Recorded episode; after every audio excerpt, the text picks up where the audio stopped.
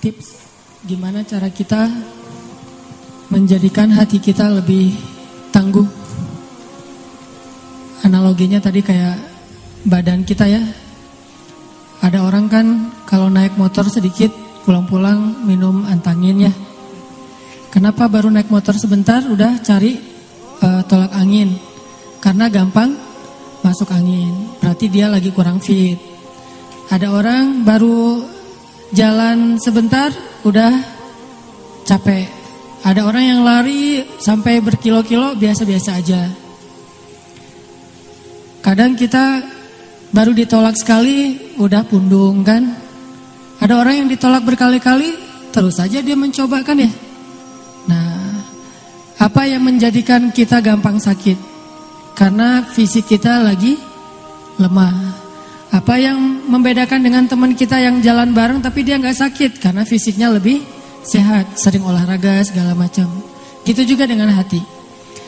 Ada masalah yang sama dihadapi dua, uh, oleh dua orang yang berbeda. Yang satu baper, yang satu tough, bahkan bisa survive. Padahal masalahnya sama, sama-sama habis diputusin.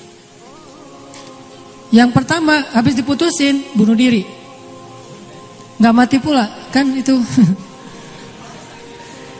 Jadi bunuh diri yang gagal gitu. Karena bunuh diri yang sukses nggak bisa dirayain. Yang kedua diputusin, dia uh, masih bisa survive, bahkan habis diputusin dihalalin. Yeah. Besoknya kemarin diputusin, hari ini dihalalin. Kenapa ada dua respon yang berbeda karena hatinya berbeda. Yang satu lemah, fragile, gampang retak, gampang pecah. Yang satu lagi hatinya tough, lebih kuat. Dan kekuatan hati itu akan menentukan bahagia dan susahnya kehidupan kita. Dan kekuatan hati itu tergantung dengan nutrisi yang tadi Tihanin sampaikan. Apakah kita ngasih hanya junk food yang kita kira udah ngenyangin tapi nggak sehat? Atau kita benar-benar ngasih real food yang kadang memang nggak sesensasi junk food. Karena orang yang nggak senang makan sayur, kadang makan sayur kan nggak terlalu nikmat ya. Sedangkan yang uh, makan makanan junk food, yang keripik-keripikan yang nggak terlalu sehat, kadang buat dia lebih seru gitu. Ya zikrullah itu kadang emang nggak seru bagi kita yang uh, saya lah yang mungkin masih belajar, tapi emang harus dipaksain.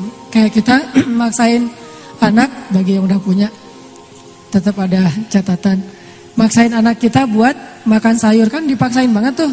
Sampai sayur dibikin ada gambar boneka, sayur jadi bintang, jadi apa, jadi hewan gitu. Kenapa? Biar dia mau makan sayur dan kita juga maksain diri untuk memberi real food hati dengan zikir, dengan tilawah dan seterusnya.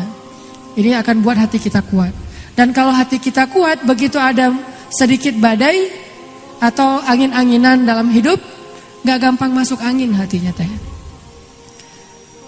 Kalau saya nambahin sedikit tips, sebelum teman-teman datang melamar,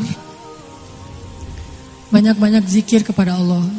Karena kalau ditolak, akan kuat menerima kenyataan. Jangan melamar dalam keadaan hati lagi lalai. Itu ditolak benar-benar pulangnya itu gak ke rumah. Paling mending ke rumah sakit. Paling mending. Kalau pulangnya innalillah kan kasihan ya. Nah makanya sebelum ditolak mending zikrullah.